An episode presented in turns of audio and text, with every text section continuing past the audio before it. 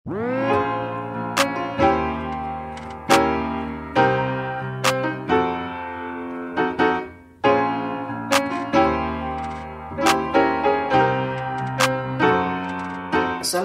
warahmatullahi wabarakatuh. Halo semuanya, kembali lagi bersama kami di Onika Zani. Gimana nih kabar kalian semua? Semoga sehat walafiat ya dalam lindungan Allah Subhanahu wa taala. Perkenalkan, saya Ridwan yang diamanahkan sebagai host Kazani kali ini. On Kazani kali ini merupakan episode keempat nih teman-teman. Jadi, bagi kalian semua yang belum mendengar On Kazani di episode sebelumnya, dianjurkan banget nih untuk mendengarkan karena di setiap episodenya terdapat ilmu yang bermanfaat dan bisa menambah wawasan bagi teman-teman. Wah, gak terasa teman-teman. Hari demi hari, minggu ke minggu kita lewati di bulan suci Ramadan ini. Semoga kalian tetap istiqomah menjalankan ibadah di bulan suci ini dan tetap semangat mencari ridho Allah Subhanahu wa taala. Oke, teman-teman. Tema On Kazani kali ini yaitu hati-hati mengelola hati, yang di mana hati inilah sumber utama penguasa diri kita. Jika hati kita kotor, maka buruk pula lah kepribadian kita, dan begitu pun sebaliknya. Lalu seperti apa sih mengelola hati itu? Tentunya teman-teman penasaran kan? Langsung saja, untuk episode On Kazani kali ini akan disampaikan oleh kakak kita, yaitu Kak Muhammad Fikri Nur Ilmi Saifullah. Beliau merupakan hafiz Quran 30 juz, juga ketua Mudabir Mahat Al-Jami'ah UIN Jakarta 2020, dan pionir pembentukan remaja Masjid Darussyakirin atau Hijaz. Baiklah teman-teman, sebelum memulai On Kazani, alangkah baiknya diawali dengan basmalah. Lalu jangan lupa bersyukur pada Allah Subhanahu wa taala atas segala rahmat dan karunia-Nya serta salawat kepada Nabi Muhammad SAW. Dan Ankazani kali ini dipersembahkan oleh LDK Syahid FEB UIN Syarif Hidayatullah Jakarta dan Tukukui. Belanja pulsa paket data token listrik top up Gopay, OVO, dan Imani, Tuku Kui aja. Tuku Kui, solusi kaum merbahan. Alhamdulillah, Alhamdulillah, Al-Lazi ja'al syahra syyami dan mu'minin. Syahrul Ramadan al-Lazi unzila fihi Qur'an udallinna nas wa bayinatin minal huda wal furqan. Asyadu an la ilaha illallah, Wahdahu la syarikalah. وأشهد أن سيدنا ونبينا محمدا عبده ورسوله لا نبي بعده قال رب اشرح لي صدري ويسر لي أمري واحلل عقدة من لساني يفقهوا قولي Alhamdulillah puja serta puji syukur kehadirat Allah Subhanahu wa taala atas limpahan nikmat karunia-Nya lah kita dapat bertelewicara melalui podcast ini meskipun hanya pesan suara meskipun antum hanya mendengar suara semoga pembicaraan ini tercatat di sisi Allah sebagai pembicaraan yang bermanfaat yang mendekatkan diri kita kepada Allah Subhanahu wa taala. Karena satu tanda dari Rasulullah Shallallahu alaihi wasallam dalam sebuah hadisnya yang diriwayatkan oleh Imam Bukhari melalui sahabat Muawiyah bin Abi Sufyan radhiyallahu anhu Rasulullah pernah bersabda man yuridillahu bihi man yuridillahu bihi khairan yufaqihu fid din barang siapa hadirin yang telah Allah inginkan dirinya menjadi baik, maka salah satu cirinya adalah Allah pahamkan dia terhadap agama Allah Subhanahu wa taala. Semoga kita termasuk bagian golongan tersebut. Amin ya rabbal alamin. Alhamdulillah. Saya ucapkan juga terima kasih kepada pihak penyelenggara yang telah berdedikasi walaupun dalam keadaan yang terbatas ini masih tetap mensyiarkan agama Allah. Insya Allah ini akan menjadi pahala jariah bagi mereka yang menyelenggarakan ini. Dan semoga ini juga menjadi pahala bagi kita semua yang terlibat dalam acara ini. Alhamdulillah hadirin, Allahu Akbar. Tidak ada sesuatu kebetulan yang Allah jadikan di bumi ini. Tentunya sudah tercatat di lauhul mahfuz karena tidak ada sesuatu yang kebetulan antum pun datang ke podcast ini, menggerakkan jari jemari antum, mengklik ini dan mendengarkan dengan telinga antum, pendengaran antum, itu pun bukan sesuatu yang kebetulan. Jujur, saya tidak mengenal antum semua, tapi kok Allah arahkan antum ke sini. Semoga kita termasuk golongan orang-orang yang disebutkan di hadis tadi. Allah inginkan kita menjadi orang yang baik di sisinya. Amin ya rabbal alamin.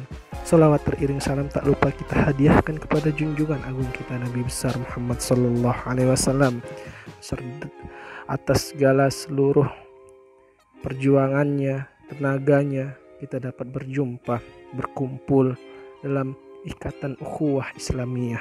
Alhamdulillah hadirin semoga salam salawat tercurah limpah kepada beliau. Bahkan Allah pun bersalawat kepadanya. Tidakkah kita malu kepada Allah kalau Allah saja bersalawat kita tidak bersalawat kepadanya? Mari kita bersalawat kepadanya. Allahumma salli ala Muhammad. Allahumma salli ala Muhammad. Allahumma salli ala Muhammad. Semoga kita juga termasuk golongannya golongan yang diakui oleh Rasulullah Sallallahu Alaihi Wasallam sebagai umatnya yang tegak menjalankan sunnah-sunnahnya, mendirikan sunnah-sunnahnya, sehingga di akhirat nanti kita dalam satu gerbong yang sama bersama Rasulullah Sallallahu Alaihi Wasallam. Amin ya rabbal alamin. Al Fakir hari ini mendapatkan tema tentang hati-hati dalam mengelola hati. Nah ini per pertama kali uh, saya secara eksplisit membaca mem mempresentasikan berbicara tentang hati ini. Ya meskipun saya sudah sedikit menerima tentang bagaimana cara menyikapi hati tapi semoga Allah izinkan saya menyampaikan apa yang bermanfaat bagi teman-teman semua dan utamanya bagi diri saya sendiri. Kita mulai. Bismillahirrahmanirrahim Allah Subhanahu wa taala berfirman dalam Al-Qur'an bahwa manusia itu diberikan potensi dalam kehidupannya. Yang pertama adalah potensi untuk menjadi atau potensi sifat fujur, yaitu dorongan kecenderungan dalam kehidupan untuk berlaku perbuatan yang buruk. Dan Allah juga ber Allah juga uh, memberikan potensi tidak hanya untuk berlaku buruk Allah juga berikan potensi takwa yaitu kecenderungan dalam kehidupan untuk melaksanakan atau berperilaku yang baik-baik itulah potensi yang diberikan Allah Subhanahu wa taala. Nah, itu semua keduanya itu terkumpul dalam satu tempat. Apa nama tempatnya? Yaitu kalbu banyak ayat yang dalam Al-Quran mengatakan kata kalbu kalbu kalbu. Seperti contoh fi kulubihim maradun fazadahumullahu marada atau khatamallahu ala kulubihim wa ala sam'ihim wa ala absarihim dan seterusnya ayat.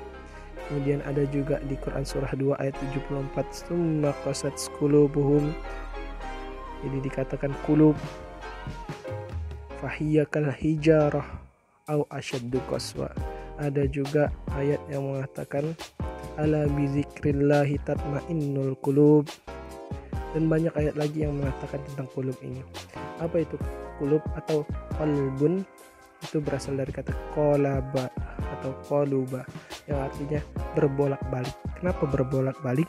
Karena sesungguhnya hati ini ya itu sifat dua tadi takwa dan fujur itu tidak bisa bergandengan atau selalu berlawanan.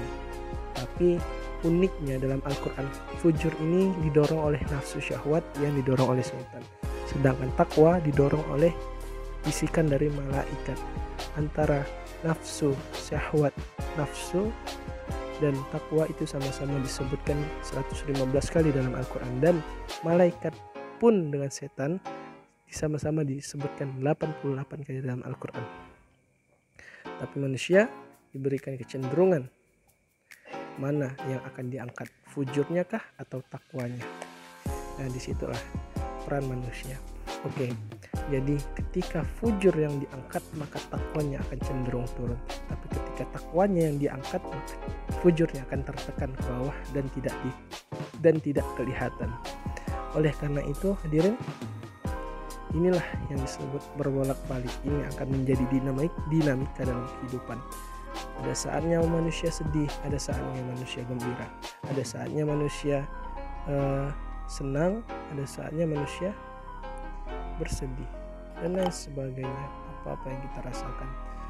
Tertawakah kita menangiskah kita itu pernah kita rasakan semua. Itulah yang membuat hati berbolak-balik. Makanya kolba atau kolbi itu tempat secara bahasa bisa diartikan sebagai pertemuannya antara sifat takwa dan fujur dalam satu tempat itu kolbun sehingga Rasulullah juga pernah berwasiat kepada kita bahwa amalkanlah doa ya muqallibal qulub sabit qalbi ala dini agar diteguhkan hatinya dalam agama Allah.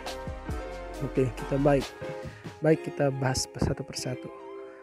Bagaimana ciri hati yang baik itu? Allah Subhanahu wa taala berfirman dalam Quran surah Al-Anfal bisa dibuka ayat keduanya auzubillahi minasyaitonirrajim. Bismillahirrahmanirrahim. Innamal mu'minun allazina idza dzukirallah wajilat qulubuhum wa idza tuliyat alaihim ayatuhu zadatuhum imana wa ala rabbihim yatawakkalun. Allah Subhanahu wa taala berfirman innamal mu'minun sesungguhnya orang-orang mukminun atau orang-orang mukmin itu iza zukirallah wajilat qulubuhum innamal mu'minuna iza zukirallah wajilat qulubuhum apabila disebutkan nama Allah atau asmanya Allah maka gemetarlah hatinya. Dan apabila dibacakan wa iza tuliyat alaihim ayatuhu zadat imana. Apabila dibacakan ayat-ayatnya Allah maka bertambahlah keimanannya. Ini salah satu ciri pertama hati itu baik adalah apabila disebutkan nama Allah gemetar hatinya hadirin. Sebagaimana kita merasakan ketika melihat keagungan Allah ketika melihat diperdengarkan bacaan berzikir pada Allah gemetarkah hati kita? Atau tidak? Silahkan kita introspeksi diri sendiri. Itu ciri pertamanya hadirin. Kemudian dari hat, ciri yang pertama ini, maka kita akan melihat siapa yang disebut orang yang wa iza tuliyat alaihim atau uh, wa tuliyat alaihim zadat imana. Yang apabila disebutkan nama Allah gemetar hatinya disebutkan ayat-ayat Allah bertambah keimanannya. Di ayat 2 ini diawali dengan kata innama. Innama ini membatasi kepada subjek yang disebutkan selanjutnya. Siapa itu? Innamal mu'minun, yaitu orang-orang mukmin. Siapa yang dimaksud orang-orang mukmin di sini?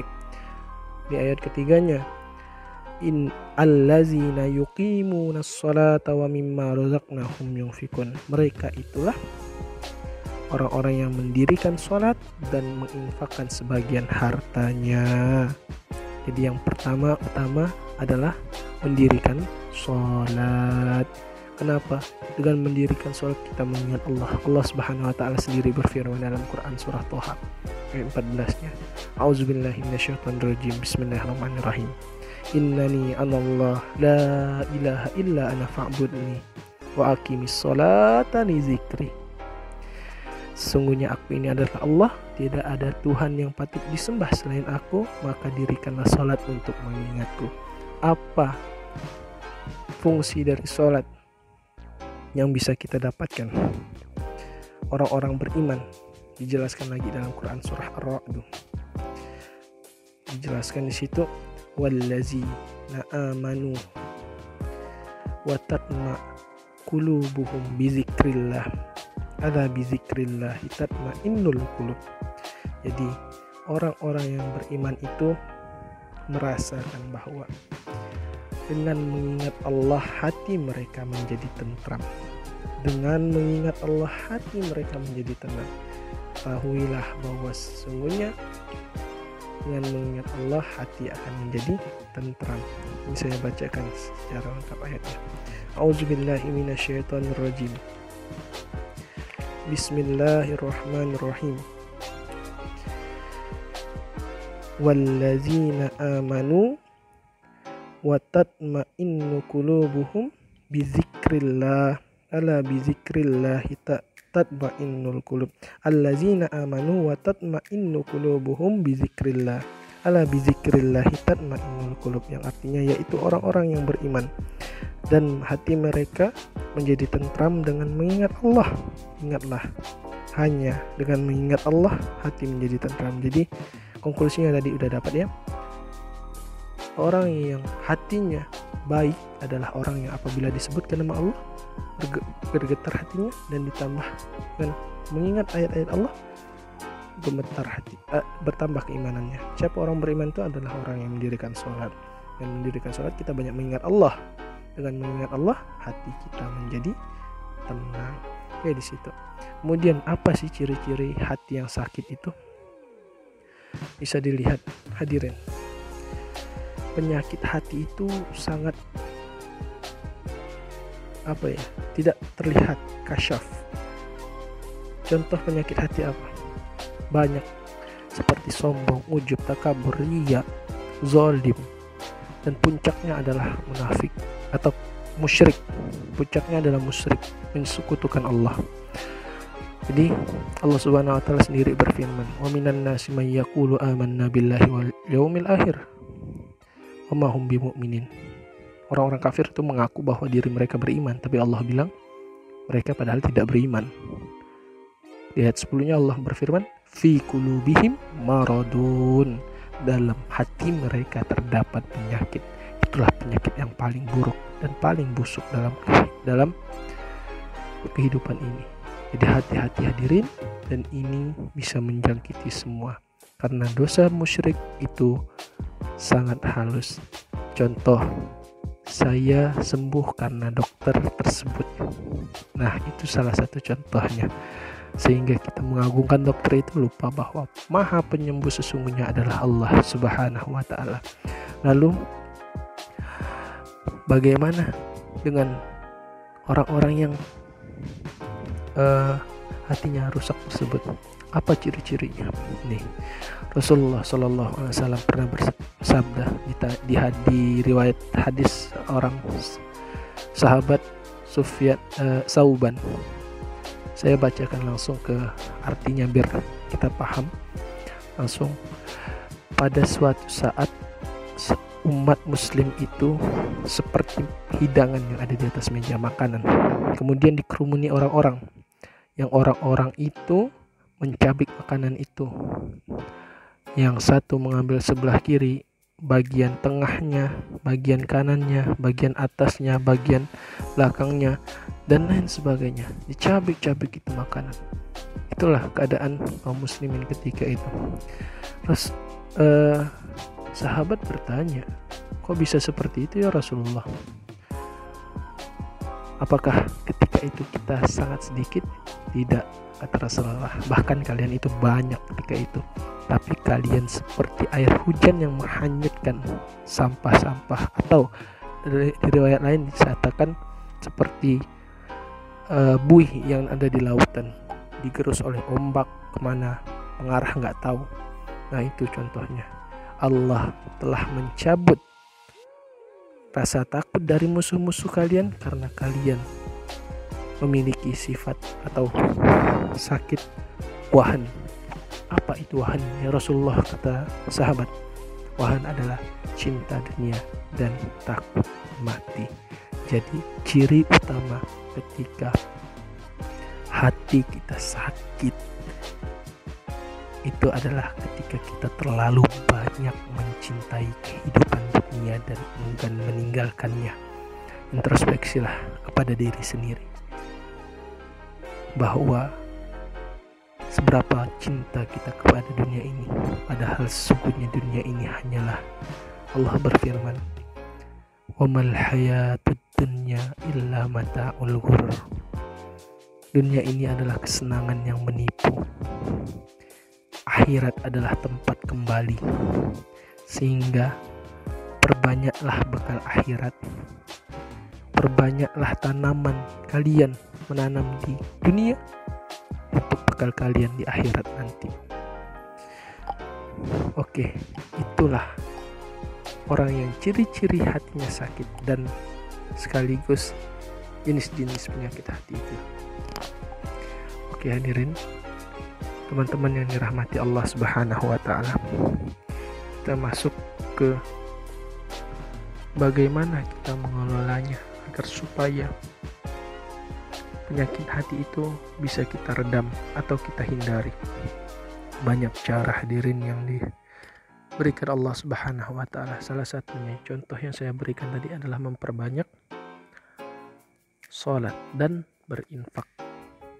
Insya Allah itu akan membentengi kita dari penyakit cinta terhadap dunia. Yang pertama hadirin bisa teman-teman manfaatkan perbanyaklah sholat malam, sholat tahajud, perbanyak munajat di dalamnya untuk Allah lembutkan hati kita, Allah teguhkan hati kita, Allah jaga hati kita dari penyakit-penyakit yang mematikan hati kita. Kemudian hadirin Salah satu cara terbaik juga adalah banyak-banyak berinteraksi dengan Al-Quran. Allah Subhanahu wa Ta'ala sendiri berfirman, "Walaqad yassarna al-Quran lidzikri fahal min muddakir." Sungguh Al-Quran itu telah mudah untuk dibacakan atau dihafalkan. Nah, dengan mengingat Al-Quran, banyak membaca Al-Quran berinteraksi dengan Al-Quran. Ingatlah ayat di Quran surah Ar-Ra'd 28 itu ala bizikrillah tatmainnul qulub. Jadi salah satu untuk banyak mengingat Allah selain sholat adalah memperbanyak interaksi dengan Al-Quran memperbanyak membaca Al-Quran. Lantas selanjutnya apa? Ya selanjutnya adalah memperbanyak puasa pada masa saat ini, Ramadan ini, kita dilatih untuk memperbanyak puasa. Di sinilah latihan kita untuk melembutkan hati. Melembutkan hati supaya ketika keluar dari Ramadan ini hati kita bisa menerima hal-hal yang bersih lagi. Jadi ini salah satu filter. Puasa adalah satu filter. Kenapa? Karena dengan puasa akan menekan sifat-sifat fujur kita dan meningkatkan takwa kita dan ketika takwa kita meningkat otomatis itu nanti sholatnya baik infaknya baik baca Qurannya baik insya Allah itu jadi salah satu percepatannya adalah dengan puasa kemudian apa lagi yang paling penting juga adalah memperbanyak bergaul dengan orang-orang soleh atau secara ringkasnya memperbanyak duduk di majelis ilmu karena Rasulullah Shallallahu Alaihi Wasallam mengibaratkan ilmu itu sebagai air hujan. Apa fungsi air hujan? Dalam Al-Quran tidaklah disebut fungsi air hujan sebagai rah kecuali sebagai rahmat menghidupkan tanah yang mati. Jadi seolah-olah Rasulullah ingin mengatakan bahwa dengan duduk di majelis ini berkumpul dengan orang-orang soleh maka akan menjadi hujan di hati kita sehingga hati kita akan hidup kembali. Di situlah fungsinya berkumpul dengan orang-orang soleh. Kemudian selanjutnya adalah dalam sebuah hadis disebutkan di uh, Al-Arba'in itu ayat eh maksud saya di nomor ke-6 atau di Bukhari deh. Nomor 2051 itu saya bacakan di akhirnya ayat. Di akhirnya hadis itu disebutkan bahwa di dalam tubuh manusia itu terdapat sekumpal daging.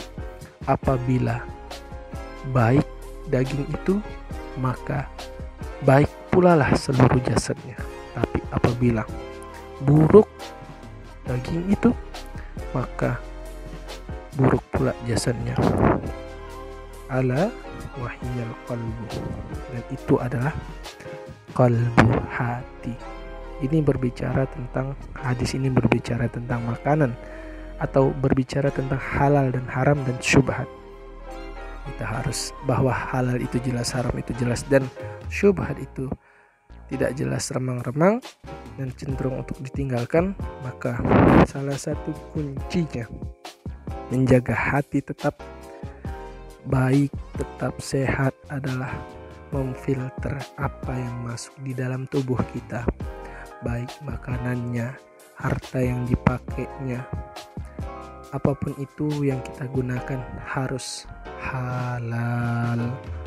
Jauh dari kata haram dan syubhat jadi itulah saat, salah satu juga syarat dari Rasulullah untuk menjaga kesucian hati dan terakhir kita tahu bahwa penyakit hati yang disebutkan di hadis Rasul sebelumnya adalah cinta dunia dan takut mati. Hadirin yang berbahagia, lawannya dari cinta dunia dan takut mati ini adalah kita tidak usah takut mati. Artinya apa? Kematian itu pasti. Dan bagi orang-orang yang beriman, pertemuan atau kematian itu adalah istirahat bagi mereka dari lelahnya dunia ini. Jadi, sebaiknya adalah dengan banyak-banyak mengingat kematian. Dengan banyak-banyak mengingat kematian, maka akan terhindar dari perbuatan kemaksiatan. Dengan turunnya maksiat, maka amal soleh akan naik, takwanya akan naik. Maka dengan takwanya naik, amal ibadah naik, keimanan juga naik, dan hati akan menjadi bersih. Jadi, lawanlah sifat cinta dunia itu dengan selalu mengutamakan kehidupan di akhirat. Allah Subhanahu wa taala berfirman, "Wabtaghi fima atakallah darul akhirah, wala tansa nasibaka minad dunya." Carilah bekal untuk negeri akhirat, tapi jangan lupakan perihal duniamu. Isyaratnya adalah kehidupan dunia merupakan ladang bagi kita untuk memanen di akhirat nanti. Jadi kehidupan dunia kita harus bertujuan atau berorientasi pada akhirat. Itulah salah satu trik untuk menjaga hati tetap sehat, tetap baik. Mungkin cukup itu yang bisa saya sampaikan. Kurang dan lebihnya mohon dimaafkan. Saya bermohon ampun kepada Allah Subhanahu wa taala atas kesalahan yang saya perbuat baik itu kata-kata yang disengaja ataupun tidak sebelum menutup Rasul biasa menutup dengan tiga cara. Dan saya akan ingin menggunakan cara yang kedua yaitu dengan doa kafaratul majelis mari kita sama-sama berdoa kafaratul majelis subhanakallahumma wa bihamdika asyhadu an la ilaha illa anta astaghfiruka wa atubu ilaik saya bermohon ampun kepada Allah Subhanahu wa taala atas segala apa yang saya lakukan. Ingat hadirin bahwa segala yang baik itu datangnya dari Allah, yang benar itu datangnya dari Allah dan janganlah kalian menjadi orang yang meragu. Al-haqqu min rabbika fala takunanna minal mumtarin. Billahi taufiq wal hidayah. Assalamualaikum warahmatullahi wabarakatuh. Alhamdulillahirabbil alamin. Akhirnya selesai juga ya episode On Kazani kali ini. Semoga apa yang disampaikan oleh Kak Muhammad Fikri tadi dapat bermanfaat untuk kita semua dan menjadi telak ukur untuk merubah diri kita menjadi lebih baik lagi. Oke teman-teman, cukup sekian On Kazani kali ini. Tetap semangat menjalankan ibadah puasanya dan sampai jumpa di episode Kazani selanjutnya. Wassalamualaikum warahmatullahi wabarakatuh.